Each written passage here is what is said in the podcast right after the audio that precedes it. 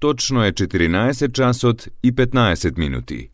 Ја следите програмата на македонски јазик на јавната медиумска установа Радио Телевизија Војводина, трета програма.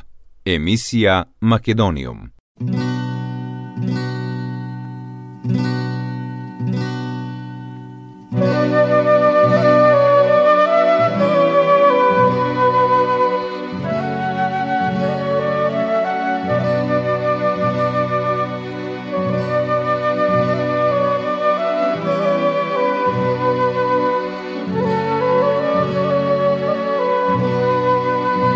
Македониум.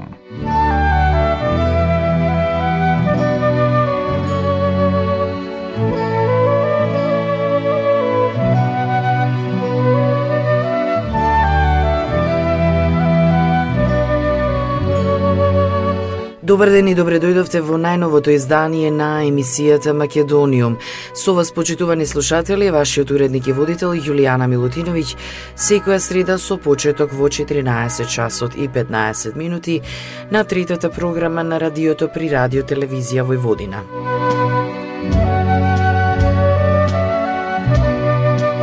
Македониум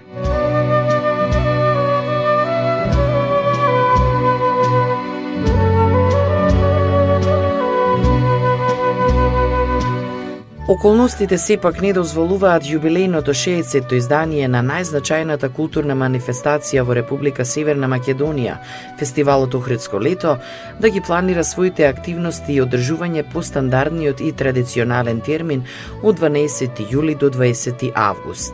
Оваа година за прв пат во постоењето фестивалот ќе се одржува во термин различен од вообичаениот и согласно условите наметнати од епидемијата на COVID-19. Според планот на управата на националната установа, предвидено е скратено издание на фестивалот кој би се одржал во периодот од 4 август, роден денот на Охридско лето, па до крајот на тој месец. Сепак, се ќе зависи од ситуацијата со епидемијата на коронавирусот. Фестивалското издание ќе биде со скратена програма, со оглед што отварањето нема да биде на 12 јули, така што доколку бидат реализирани нашите планови за отворање на 4 август, фестивалот би траел некаде до крајот на месецот, со предвидени околу 25 содржини, вели во изјава за Македонската информативна агенција, директорката на Националната установа Фестивал Охридско лето, Наташа Поповиќ. Заради поголема безбедност на влюбевниците во музичката и сценска уметност, предвидените настани на Охридско лето ќе се организираат претежно на отворените сцени како Античкиот театар, Долни Сарај и предворието на Света Софија. Помал број концерти во Катедралната црква со строго ограничен и редуциран број влезници. Поповиќ рече дека комуникацијата со уметниците кои е предвидено да бидат дел од годинешното Охридско лето се одвива отежнато, но оти тие не ги откажуваат предвидените настапи, изразувајќи уверување дека ситуацијата ќе дозволи нивно доаѓање во Охрид и настап на фестивалот. Откако ќе бидат прецизирани сите детали ќе биде објавена и фестивалската програма.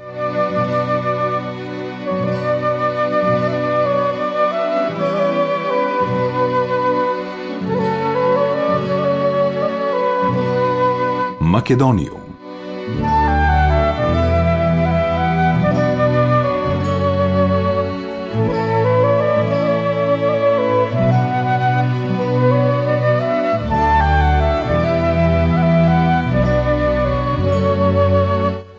Награда за најдобар краток филм на Бруклинскиот филмски фестивал доби црната комедија на нашиот режисер Георги Унковски на Лепница од минатата година, пренесува Агенцијата за филм на Република Северна Македонија.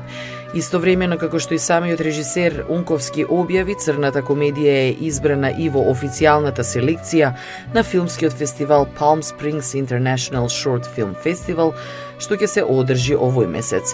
Избран во официјалната селекција на филмскиот фестивал Сантенс во 2020-тава, Филмот ја следи приказната на Дејан кој при неуспешен обид за обновување на регистрацијата на колата ќе западне во бирократска стапица која ќе атестира неговата одлука да биде одговорен татко. Главната улога во филмот ја толкува Сашко Коцев, а покрај него настапуваат Имони Дамевски, Джевдет Јашари, Љупчо Тодоровски Упа, Сонја Стамболџиска, Димитрија Доксевски, Калина Димитриовска, Анастасија Аневска и Матеј Настевски. Македониум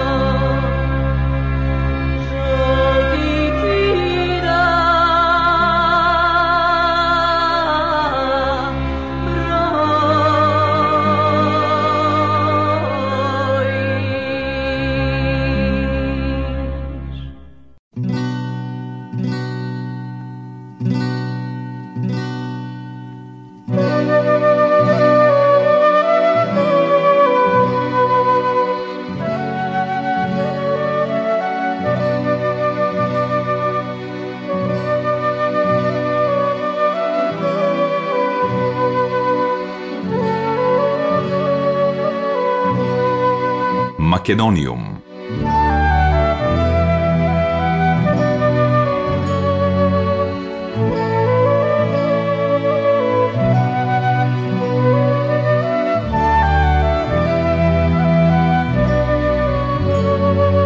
Прек синоќа на 8 јуни со објавувањето на наградите се заокружи десеттото издание на фестивалот на кинематографиите на Југоисточна Европа Си Париз 2020. Фестивалот кој што веќе две години е под покровителство на Министерството на култура на Република Франција се отвори на 2 јуни. На отворањето и оваа година беа доделени традиционалните награди за животно остварување. Legend 2020 на познатиот бугарски сценарист Ангел Вагенштайн и Actress 2020 на косовската актерка Арта Доброши. Наградата Еврора Прима 2020 и се додели на поранешната амбасадорка на Франција во Македонија Лоранс Оер, додека францускиот филмски автор Патрик Ротман се здоби со престижното пристание Фредерик Росиф за особени остварувања во филмската документаристика. За време на фестивалските денови пред француската публика се презентираа селекција од играни, кратки, документарни и анимирани филмови од 15 земји од регионот, која предизвика голем интерес. Жирито во состав Макс Азуле председател, Фредерик Фрапани, Роман Костовски и Врусле и Патриција Корбет, наградата за најдобар филм му ја додели на турскиот филм Омар и Ние, кој ги понесе и наградите за најдобро сценарио и најдобра машка улога на Чем Бендер. Косовскиот филм Студен ноември ги понесе наградите за најдобра женска улога Адриана Матоши и наградата на Салон де Левре де Балканс. Наградата за најдобра режија му припадна на Милутин Дарич Дака за црногорскиот филм Дофати го небото. За најдобар документарен филм беше прогласен филмот на Невен Хитрец на тегање од Хрватска, најдобар анимиран филм Природна селекција на Алета Рајич од Босна и Херцеговина, а најдобар краток филм Бунари на Раду Запоројан од Молдавија. Наградата на специјалното жири Париз Дакар ја понесе словенечкиот документарен филм Недопрено, додека наградата на студентското жири му припадна на македонскиот филм Втора шанса од Марија Джиджева. Годинишното јубилејно 10 издание на фестивалот, поради вонредната ситуација предизвикана со COVID-19 пандемијата, се одвиваше онлайн благодарение на поддршката на фестивалската платформа CineSquareNet и продукцијската куќа Cutaway.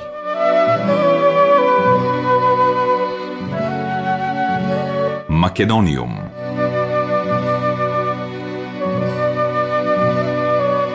Промотивниот документарец Вија Динарика, македонската авантура кој во конкуренција на 180 филмски дела на автори од 40 земји беше избран да го отвори 10-тото јубилејно фестивалско издание на Ехо фестивалот на планински филм, беше промовиран во просториите на Europe House и неодамна имаше и ТВ премиера на македонската радиотелевизија.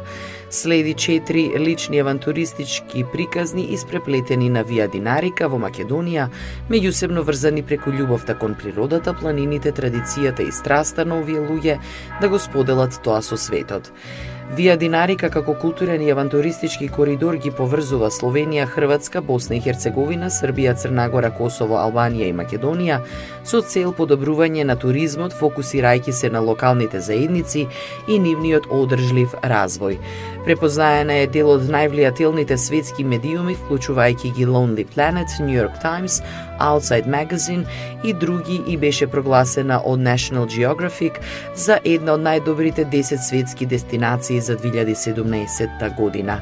Вија Динарика, македонската авантура е продуциран во соработка со Diverse Film Production, како дел од активностите на подпроектот Вија Динарика Македонија, кој е имплементиран од Масци Македонија во рамките на проектот за локална и регионална конкурентност, финансиран од Европската Унија и владата на Република Северна Македонија, како и администриран од страна на Светската банка. Продуцент е Александар Донев, копродуцент и директор на фотографија е Самир Љума, режија и монтажа е на Сергеј Георгиев и камера на Андреј Георгиевски. Во ова време на ограничено движење, несигурност и нови предизвици се надеваме дека ќе успееме да ве оттргнеме барем накратко од секојдневието и овој филм ќе ви го подигне духот со убавините и потенцијалите на нашата прекрасна земја. Може би ќе ни принуди да го преиспитаме начинот на кој го поминуваме слободното време и годишните одмори. Посетувајќи ги овие места им помагаме на локалните заедници, ги негуваме и зачувуваме нашите природни и културни вредности, но и истовремено откриваме места за кои повеќето од нас воопшто не знаат дека постојат во близина на нашите домови, додека пак странските туристи ги посетуваат во се поголем број. Ситуацијата во која живееме ги измени плановите за промоција и прикажување на овој документарец на разни настани и фестивали, па следејќи го примерот на многу други, сега може и да се погледне на интернет. Македониум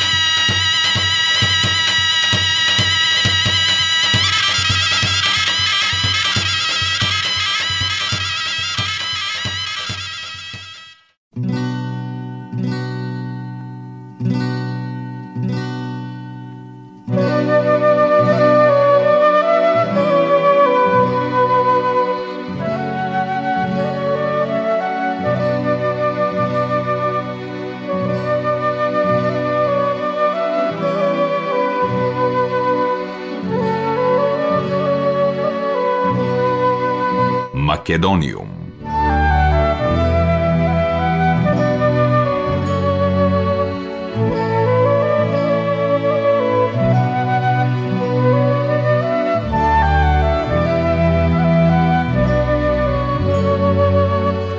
За сега нема најава дали и кога би се одржала седница на Советот за безбедност со оглед на тоа што вонредната состојба четврта поред истекува во сабота на 14 јуни во Република Северна Македонија. До тогаш се очекува владата да донесе став дали ќе побара продолжување на вонредната состојба, од што зависи и терминот за одржување на предвремените парламентарни избори. За сега нема ниту најава за одржување на лидерска средба на која политичките партии би се усогласиле за датумот за одржување на вонредните парламентарни избори. Вице-премиерката Мила Царовска вчера изјави дека се исцрпени сите потреби за продолжување на вонредната состојба. Според неа веднаш по завршувањето на вонредната состојба мора да продолжат подготовките за одржување на изборите, кои според законските и уставните рокови треба да бидат на 5 јули. Дали владата ќе побара продолжување на вонредната состојба треба да се знае до петок. До тогаш треба да пристигне мислењето на Комисијата за заразни болести за состојба со пандемијата. Вице-премиерот Бујар Османи најави дека од тоа дали ќе има нова вонредна состојба и мислењето на комисијата зависи дали ќе бидат одлучувачки за датумот за одржување на изборите. По прогласувањето на последната вонредна состојба на 30 мај, председателот на Република Северна Македонија Стево Пендаровски изјави дека, според неговите сознанија пред да се случат новите трендови поврзани со пандемијата, политичките партии биле близко до договор за датум за избори, но оти поради развојот на ситуацијата и порастот на бројот на заболени и починати, разговорите се прекинати. Од тогаш никој официјално не потврдува дали разговорите за усогласување на датумот за избори продолжиле или не. СДСМ останува на ставот дека изборите треба да се одржат на 5 јули со цел државата да добие функционални институции.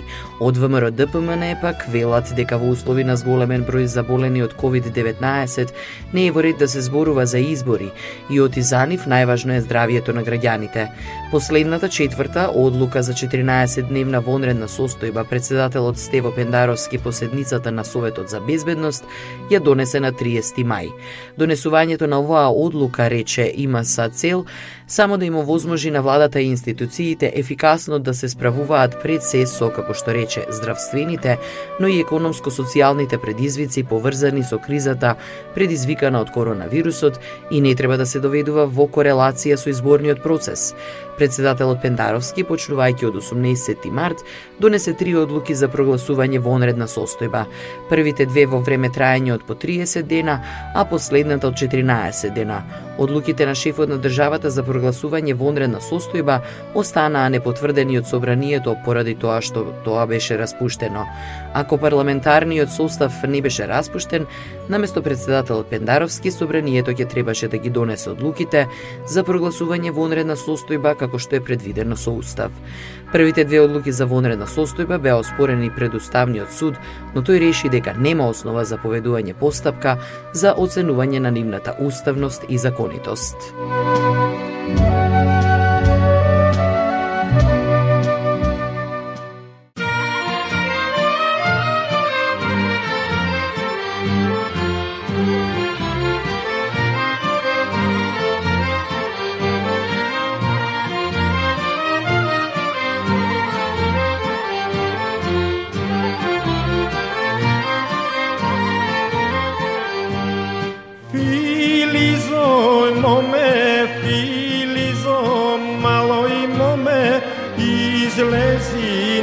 been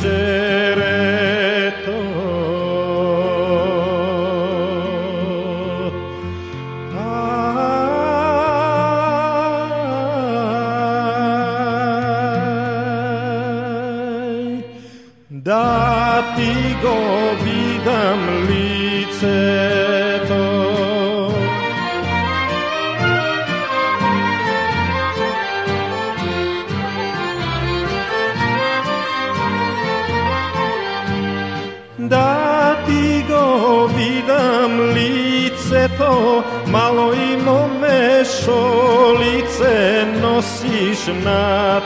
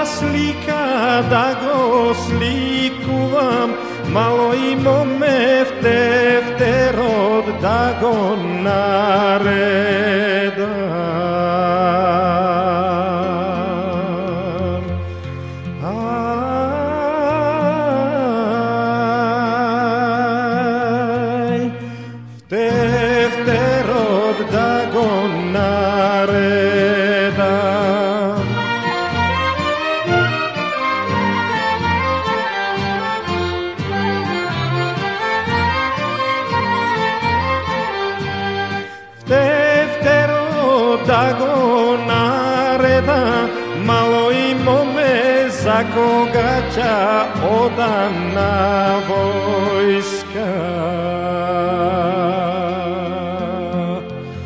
Ај,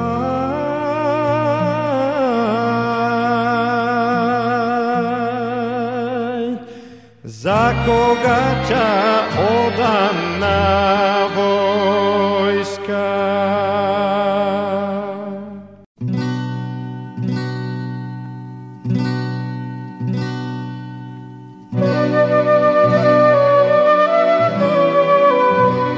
Почитувани слушатели, тоа беше се во денешното издание на емисијата Македониум. До следната среда во исто време, срдечен и голем поздрав од вашиот уредник и водител Јулијана Милутиновиќ.